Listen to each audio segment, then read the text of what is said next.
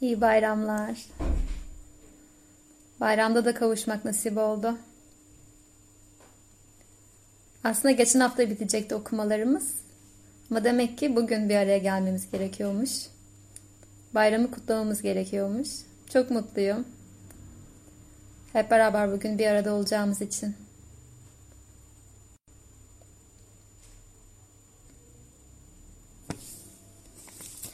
Alvarlı Lütfi Efe Hazretlerinden bir nefesle başlamak istiyorum. Madem bayram diyoruz, acaba bu bayram nasıl bir bayram ola ki? Kimler bayramı kutluyorlar? Nasıl bir bayram kutlamadan bahsediyoruz manevi olarak? Alvarlı Lütfi Efe Hazretleri sağ olsun çok güzel anlatmış bizlere. Bismillahirrahmanirrahim. Can bula cananını, bayram o bayram ola. Kul bula sultanını, bayram o bayram ola. Hüznü keder def ola, dilde hicap ref ola. Cümle günah affola, bayram o bayram ola. Mevla bizi affede, gör ne güzel ıy dola, ne güzel bayram ola. Cürmü hatalar gide, bayram o bayram ola. Tevhid ede zevk ile, hakkı seve şevk ile, tasdik inerse kalbe, bayram o bayram ola. Dildeki Rahman ola, dertlere derman ola. Azade ferman ola, bayram o bayram ola.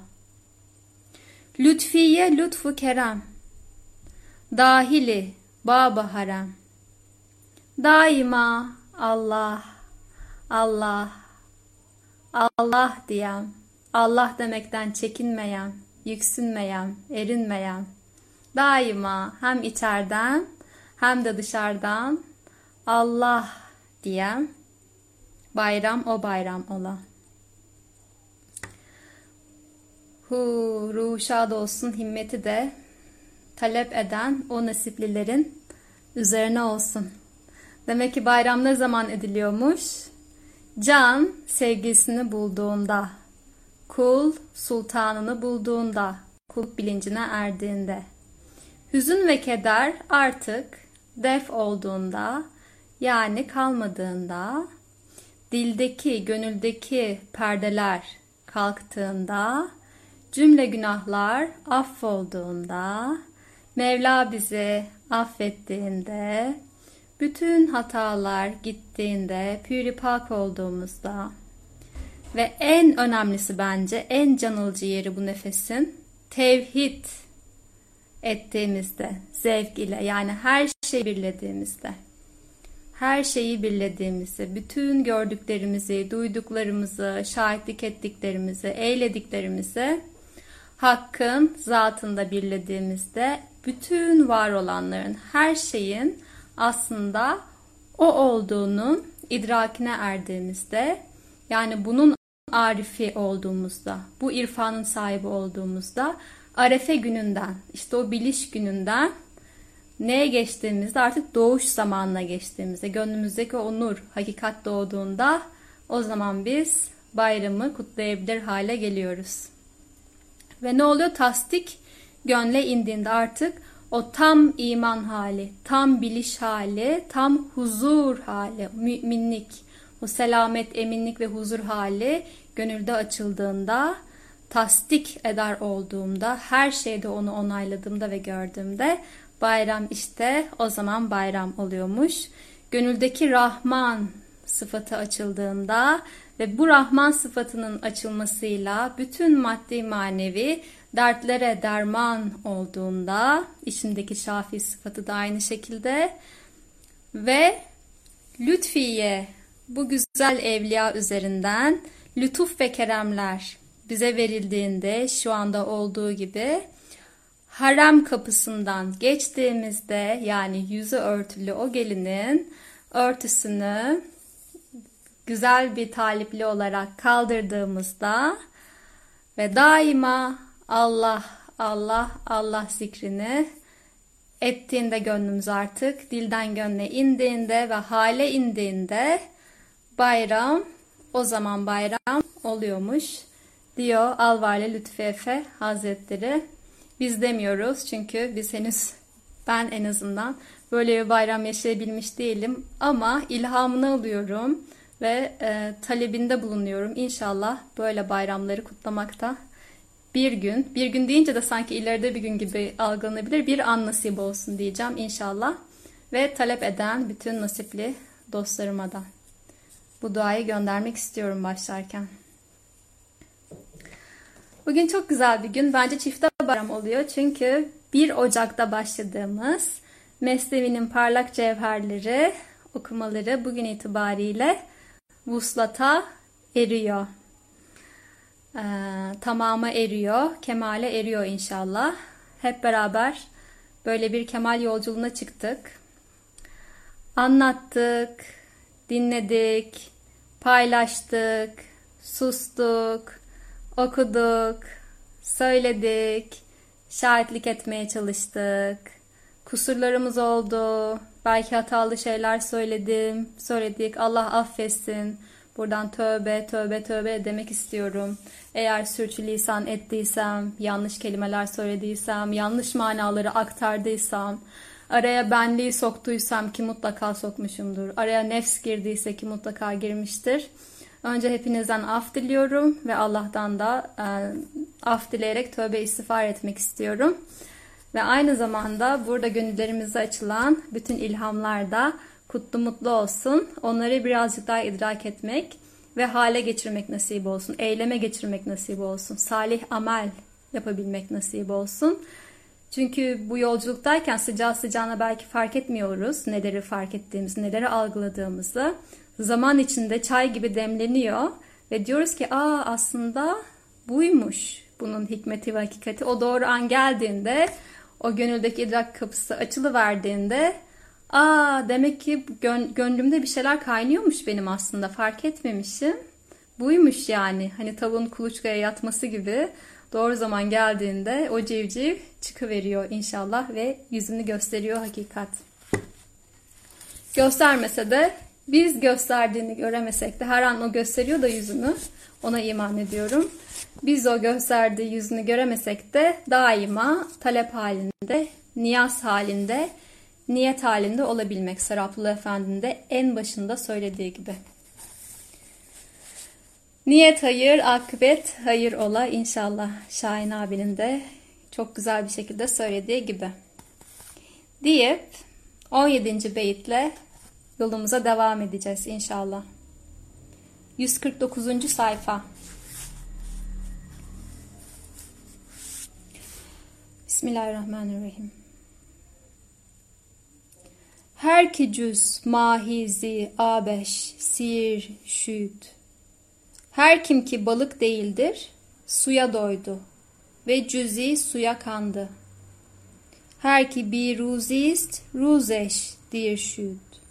Ve her kim ki nasipsizdir onun günü uzak oldu.'' Bu çok can alıcı bir beyit. Demiştik ya ilk 18 beyit aslında insanın gerçek yuvasına, özüne dönüşünde geçtiği durakları bize veriyor ve bir yol haritası sunuyor diye. Şimdi artık gerçekten de özün özüne geldik. Son demlerdeyiz, son duraklardayız. Ve burada bize balık üzerinden suya kanmak acaba ne demek? Nasipli olmak ne demek? İnsanın gününün uzak olması ya da yakın olması ne demek? O ilhamları Sarı Abdullah Efendi Hazreti Mevlana üzerinden açacak inşallah. Bizlere de hakikatiyle anlamak nasip olsun.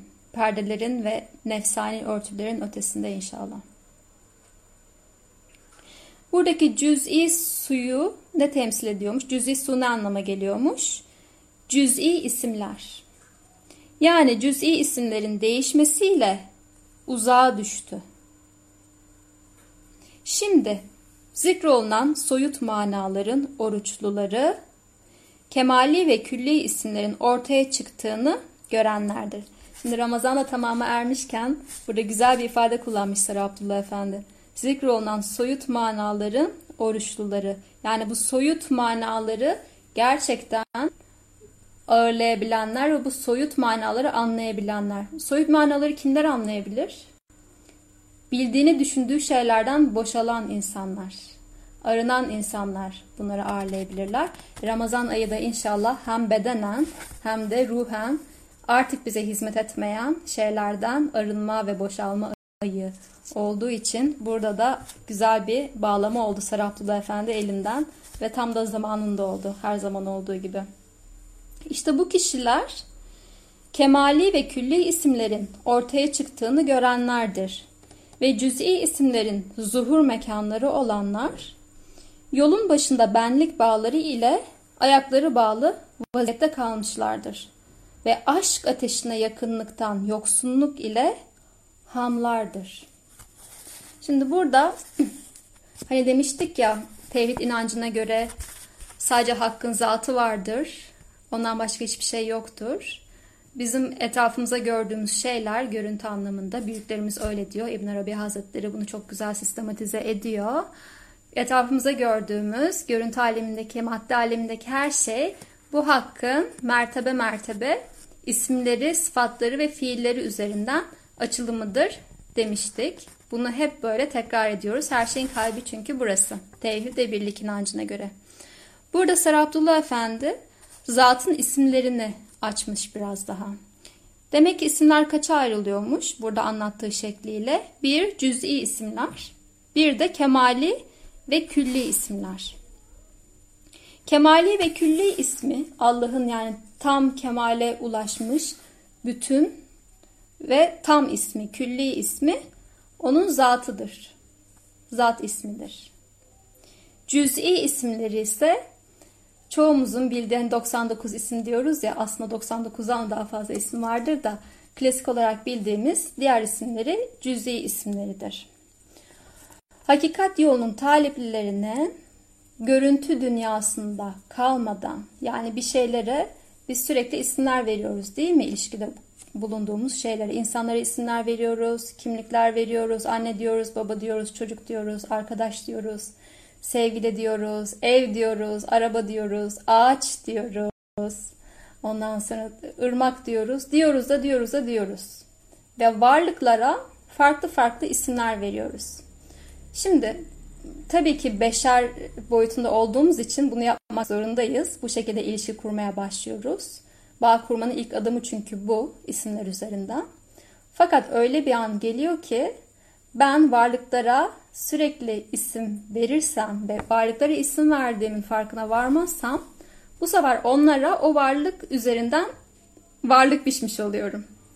Demiştik ya her şey hakkın varlığı diye. Ben bunu hatırımda tutmazsam ve idrak etmeye çalışmazsam o zaman varlıkları o isim zannediyorum ya da varlıkların o isme sahip olduğunu düşünüyorum. Yani annenin anne anne ismine sahip olduğunu düşünüyorum ve haktan ayrı bir varlık olarak onu algılıyorum. Ya da sevgilimi ne yapıyorum? Putlaştırıyorum. Hayatımın merkezine alıyorum. Eğer o giderse, o vefat ederse ya da ayrılırsam her şeyin biteceğini düşünüyorum. Ona öncelik veriyorum hayatımda. Özellikle sevdiğim şeylere öncelik veriyorum. Ve orada bir bağımlılık yaratıyorum. Ve ikiliye düşüyorum. Niye ikiliye düşüyorum? Çünkü bir sevdiğim insan oluyor, bir sevdiğim şeyler oluyor. Bir de Allah diye mefhum, hayal ettiğim, kendime göre hayal ettiğim bir varlık oluyor. Ve ben kendime göre hayal ettiğim varlığa tapındığım anda Allah korusun puta tapmış oluyorum diye hissediyorum. O yüzden cüz'i isimler yani o parçaların isimlerine takılmadan tabii ki o isimleri kullanmaya devam edeceğiz. Ama o isimlerin gerçek sahibinin kim olduğunu her zaman aklımızda tutarak isimleri daima birleyerek gerçek sahibine teslim ederek ne yapacağız? Külli isme doğru yüzümüzü çevireceğiz. Cüz'i isimden külli isme. İsimlerden hakkın zatına. Sıfatlardan yine hakkın zatına, fiillerden yine hakkın zatına. Etrafımda her ne görüyorsam, içimde her neyi gözlemliyorsam daima onu özüne, aslına, o ilk geldiğimiz noktaya geri vermek, hiçbirinin üzerinde hiçbir şekilde hak iddia etmemek, sahiplik iddia etmemek.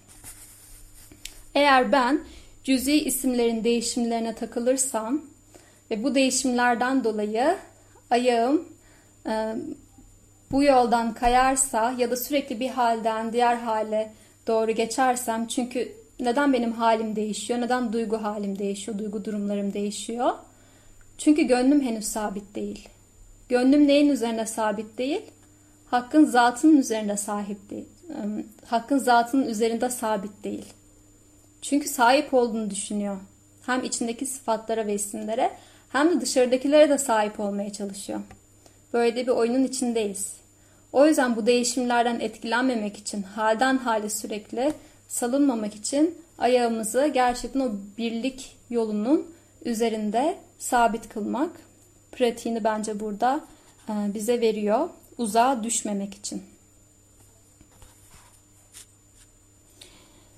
Parça parça isimlere takılanlar ve onlara varlık verenler neymiş? Yolun başında benlik bağları ile ayakları bağlı vaziyette kalıyorlarmış. Kendilerine benlik veriyorlar. Enaniyete düşüyorlar. Bir ben varım, bir de hak var.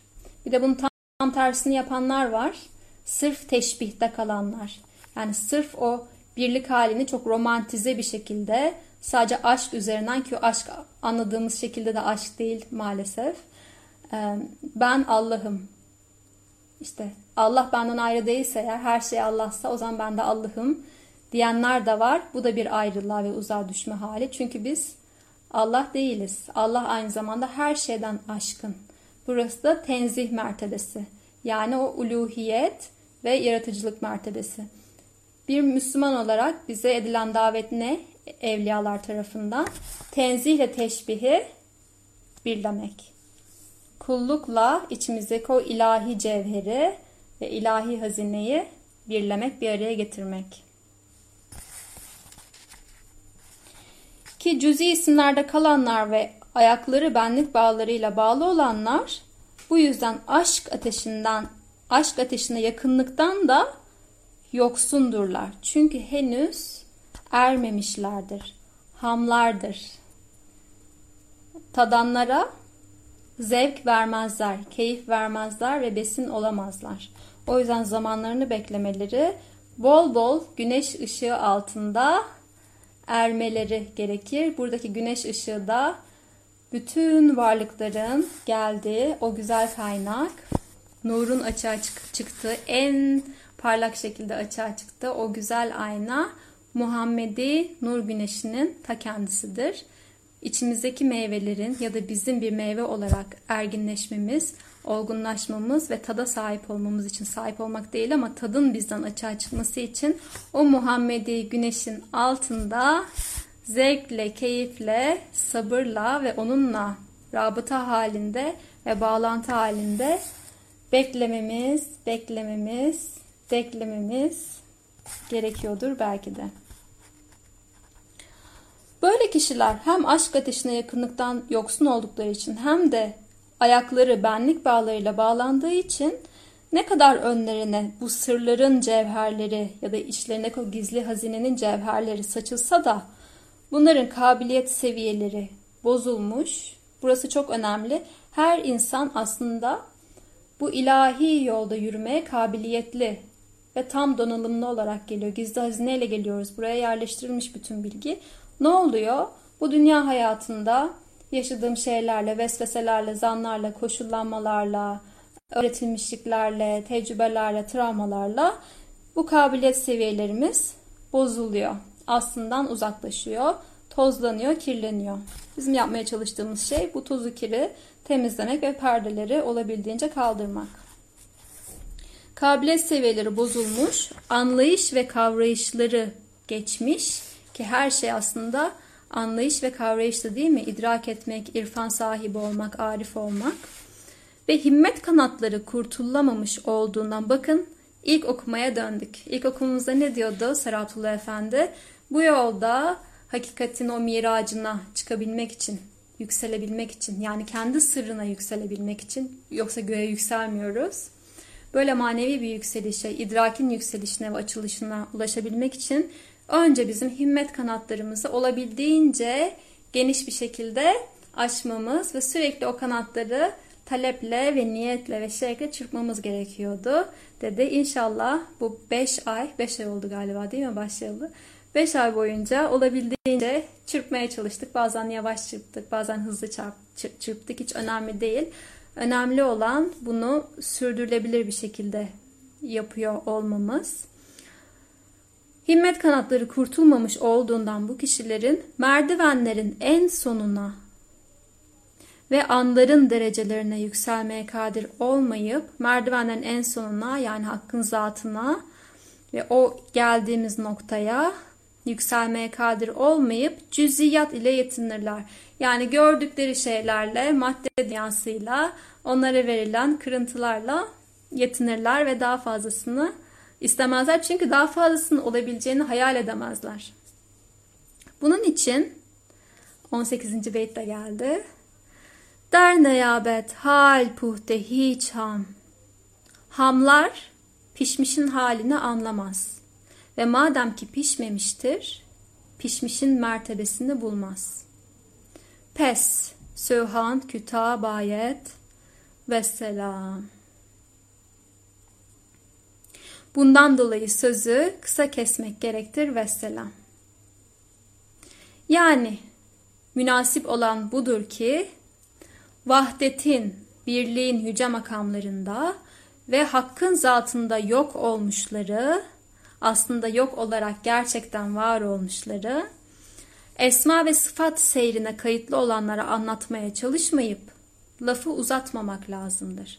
Esma ve sıfat seyrine kayıtlı olanlar kimlerdir? İşte sadece bu görüntü alemine aldananlar, görüntü alemini, bu açığa çıkan isimleri, sıfatları, renkleri, kimlikleri, özellikleri bunları putlaştıran ve zaruri hale getiren ve böylece onlara bağlanan insanlara ben yokluğu nasıl anlatayım? Ben yok olmayı nasıl anlatayım? Kendinden geçmeyi nasıl anlatayım? Aslında onlara ait müstakil bir varlıkları olmadığını ben nasıl söyleyeyim ki? Bu kelamla anlatılacak şeyler midir?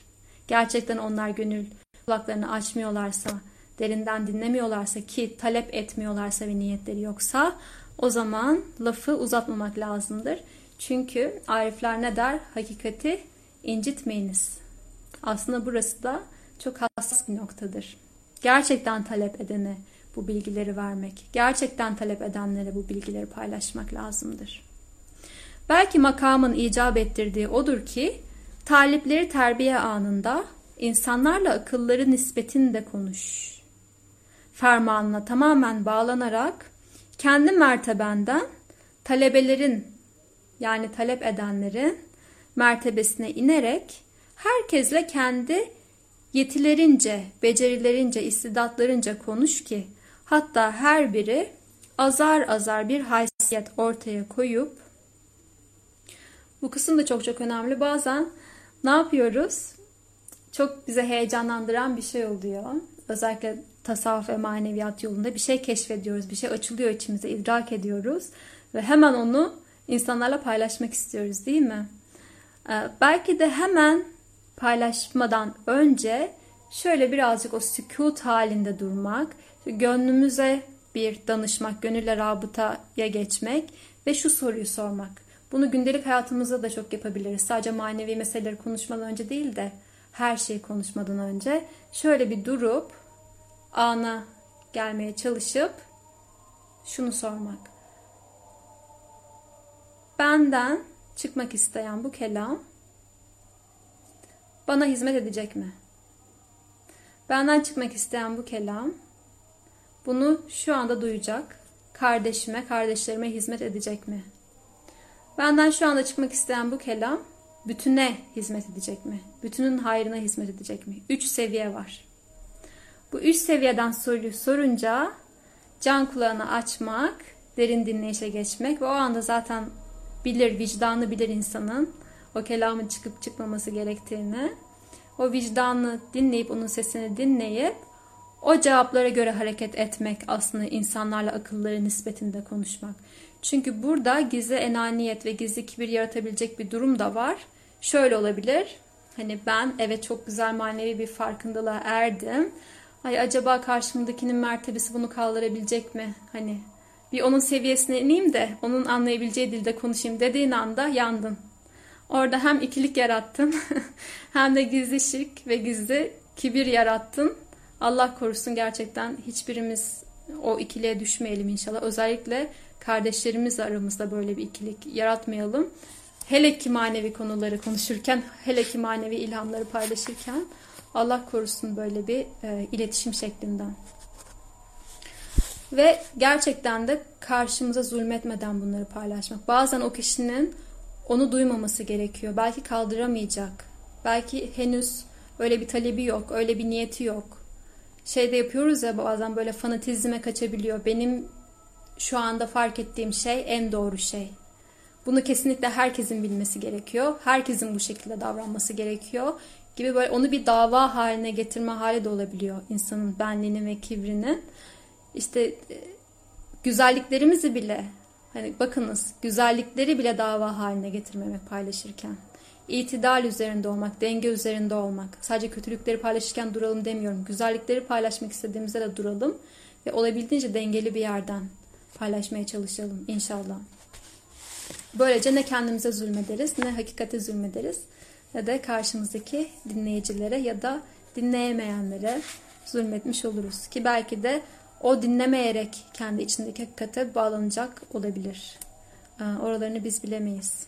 Bilmeme halinde kalmak, haddimizi de bilmek paylaşırken. Bildiğimizi düşündüğümüz anlarda özellikle haddimizi bilmek.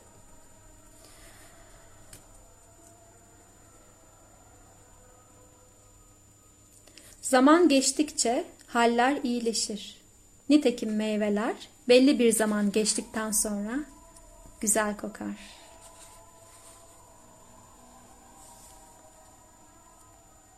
Ezan okunuyor. Biraz haddimi bilip susmak istiyorum.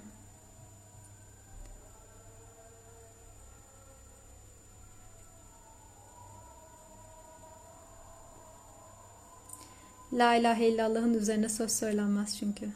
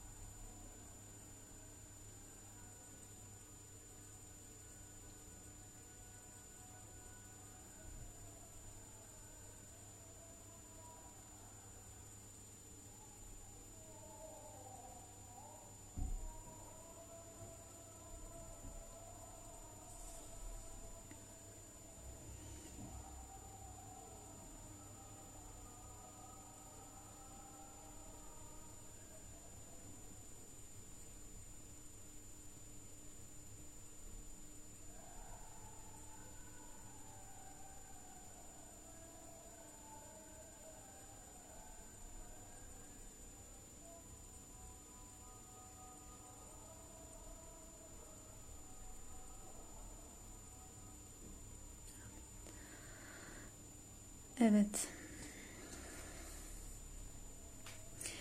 Özellikle sükut ve sessizlik anında nasıl hissettiğinize bakın. Rahatsız oluyor musunuz?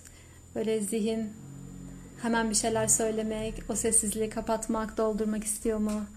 Ee, o yüzden her ezan okunduğunda aslında böyle sessiz kalmak ve her ne yapıyorsak onu bırakmak çok güzel bir huzura gelme e, pratiği uygulamaya çalıştım. Size de tavsiye ederim eğer isterseniz denemek. Zaman geçtikçe haller iyileşir. Nitekim meyveler belli bir zaman geçtikten sonra güzel kokar. İnsanın daima kemale doğru gittiğinin bir göstergesi. Talep edenlerin tabii ki. E, hallerden hale geçiyoruz. Umulur ki daima güzel hallere doğru gidiyoruz. Meyveler gibi aynı. Meyveler ne oluyor? Önce çiçek açıyor. Çiçekten meyveye dönüyor. Meyveden de güneşin altında kalarak e, kızarıyor. içi tatlılaşıyor ve yenebilir hale geliyor. Bunun için bir zaman gerekiyor. Ve bu zamanda yapılan bazı şeyler gerekiyor. Onlar neymiş? Mücahedat potasında riyazat ateşi ile eriyip yani cihat etmek, yani mücadele ve gayret etmek bu yolda. Çoğumuzun e, bakmaya çekindiği kısımlar tasavvuf deyince genelde böyle aşka düşmek ve o çok romantik olan kısımları bizi çekiyor değil mi? o ekstazi haline, cezbe haline geçmek gibi. Genelde o yüzden tasavvufla ilgileniyoruz. Fakat bu işin bir de cihat kısmı var. O cihat kısmına nefs bakmak istemiyor. Çünkü biliyor ki orada uğraşacak çok şey var. Emek istiyor, enerji istiyor, zaman istiyor, adanmışlık istiyor, talep istiyor ve bildiğini düşündüğün şeyleri bırakmayı, sana artık hizmet etmeyen, benim diye yapıştığın, sahiplendiğin şeyleri de feda etmeyi, kurban etmeyi istiyor. Ve tabi bunlar hangi birimizin kârı acaba? Ee, kârı olanlar ve bu yolun sonunda gerçekten o istikamete erenler, gerçek meyve olan arifler e, bize söylüyorlar neler yapılması gerektiğini ya da yapılmaması gerektiğini. O yüzden ilk neymiş? Cihat etmekmiş. Büyük cihat dedikleri insanın nefsiyle mücadele etmesi ve nefsiyle çalışması, çaba göstermesi bu yolda. Bunu sürdürülebilir şekilde yapması. Yani bir hafta yapıp bırakıvermemesi gerçekten istikrarla, gerçekten yetişkin bilinciyle kendi sorumluluğunu alarak bunu yapmaya gayret etmesi. Bu şekilde bir ateş insanın içinde e, çakıyor, alevleniyor. Demek ki sadece aşk ateşi değilmiş. Mesela aynı zamanda çaba ateşi de insanın içinde e, çakılıyormuş ve açılıyormuş. Çaba ateşiyle aşk ateşi bir araya geldiğinde zaten inşallah o hamlıklar eriyor ve insan meyvesi tatlanıp etrafına besin oluyor. Etrafına gıda alıyor, ruhlara gıda alıyor ve şifa alıyor. Ondan sonra tekrar tohum veriyor ve toprağa karışıyor ve geldiği yere geri dönüyor. O tohumdan yine meyve çıkıyor. İnsanın yolculuğunun çok güzel bir örneği. Tohumdan meyveye, meyveden tekrar tohuma. Ve aşkın cezbesiyle bakın geldi aşkın cezbesi. Önce riyazat ateşi, önce çaba, önce istikrar, önce arınma ibadetlerimiz, namaz, oruç, şeriat dairesi, insanın nefsiyle çalışması ve gözlemlemesi ve onunla birlikte gelen aşkın cezbesiyle pişmek. Bu şekilde pişmişlerin mertebesine vara. Yoksa fil lokması karıncanın ağzına ve derya da su testisine sığmaz. O yüzden bu beden kabını, bu yaptığımız bütün arınma ibadetleriyle ve pratikleriyle bu beden kalıbını güzelce temizlemek, arındırmak, alıcı hale getirmek ve o şekilde açmak. Açtıkça da o deryanın içimizden fışkırmasına, içimizden açılmasına alan tutmak. Dışarıdan gelip bizi dolduracak bir şey yok. Hep öyle arıyor kafa ve zihin ama burada bir pınar var. O ilmi ledün dediğimiz, o irfan dediğimiz ya da evliyaların dedikleri o ilmi ledün ben burayı hazırladıkça ve e, alıcı hale getirdikçe, müsait hale getirdikçe buradan fışkırıyor hikmetler ve güzellikler. Aşk olmadan çabada çok zor gibi. Niyet diyoruz ya, hani niyet, önceki niyet sahibi olmak, talep etmek. Niyet ve talep aşkın bence ilk boyutu. Aşkın da bir sürü seviyeleri var. Bir sürü seviyesi var aşkın. Tek bir şeyden bahsetmiyoruz. Bence niyet edenler de gerçek aşıklar. Çünkü niyet eden kişi onun peşine düşüyor değil mi? E, aşık olan da sevdiğinin peşine düşer. Ondan başkasını görmez gözüm. Böyle bir şeyden bahsediyoruz çaba deyince. Yoksa böyle kuru kuruya kendini zorlamaktan bahsetmiyoruz kesinlikle. Ki bir noktaya kadar bence insanın kendini de pozitif anlamda biraz dürtüklemesi, birazcık zorlayıvermesi de güzel bir şey olabilir. Şu anda çok anlatılıyor ya öz şefkat göstermek gerek, öz sevgi göstermek gerek, ondan sonra hmm, aşkla devam etmek gerek diye. Ee, modern insan bu, bu kısımları birazcık e, yanlış anlayabiliyor. Yanlış anlayıp bu sefer hiç mücadele olmasın hayatımda. Kendimi zorlamayayım. Hep konfor alanında kalayım. İşte rahat ettiğim kadarıyla yapayım dedikçe burada nefsin oyunları alttan alta o süreci manipüle edebiliyor. Burada çok dikkatli olmak lazım. Şefkati elden bırakmayacağız evet. Kendimizi hırpalamayacağız, kırbaçlamayacağız ama aynı zamanda da o konfor alanından çıkabilmek için birazcık kendimizi dürtükleyeceğiz. Hani o gafletten uyanabilmek en azından. Uyananlardan olmak için. Dünya rahat yeri değildir. Değil mi? Biz buraya rahat etmeye gelmedik. Nasıl rahat etmeye gelmedik? Nefsimizin anladığı şekliyle rahat etmeye gelmedik. Bedenin anladığı şekliyle rahat etmeye gelmedik. Ama o Ariflerin anlattığı o rahatlık hali öyle bir rahatlık hali ki cenneti yaşıyorlar burada. Öyle anlıyorum. Onlardaki rahat kimse de yok. Yani aşk ateşiyle yanıyorlar. Her an inliyorlar, ağlıyorlar, yakarıyorlar.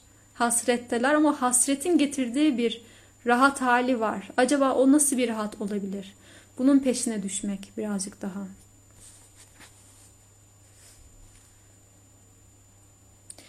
Ey temiz tabiatlı dinleyici. Fil lokması karıncanın ağzına sığmaz cümlesinin devamını rica edebilir miyim tekrar? Tabii ki. Yoksa fil lokması karıncanın ağzına ve derya su testisine sığmaz.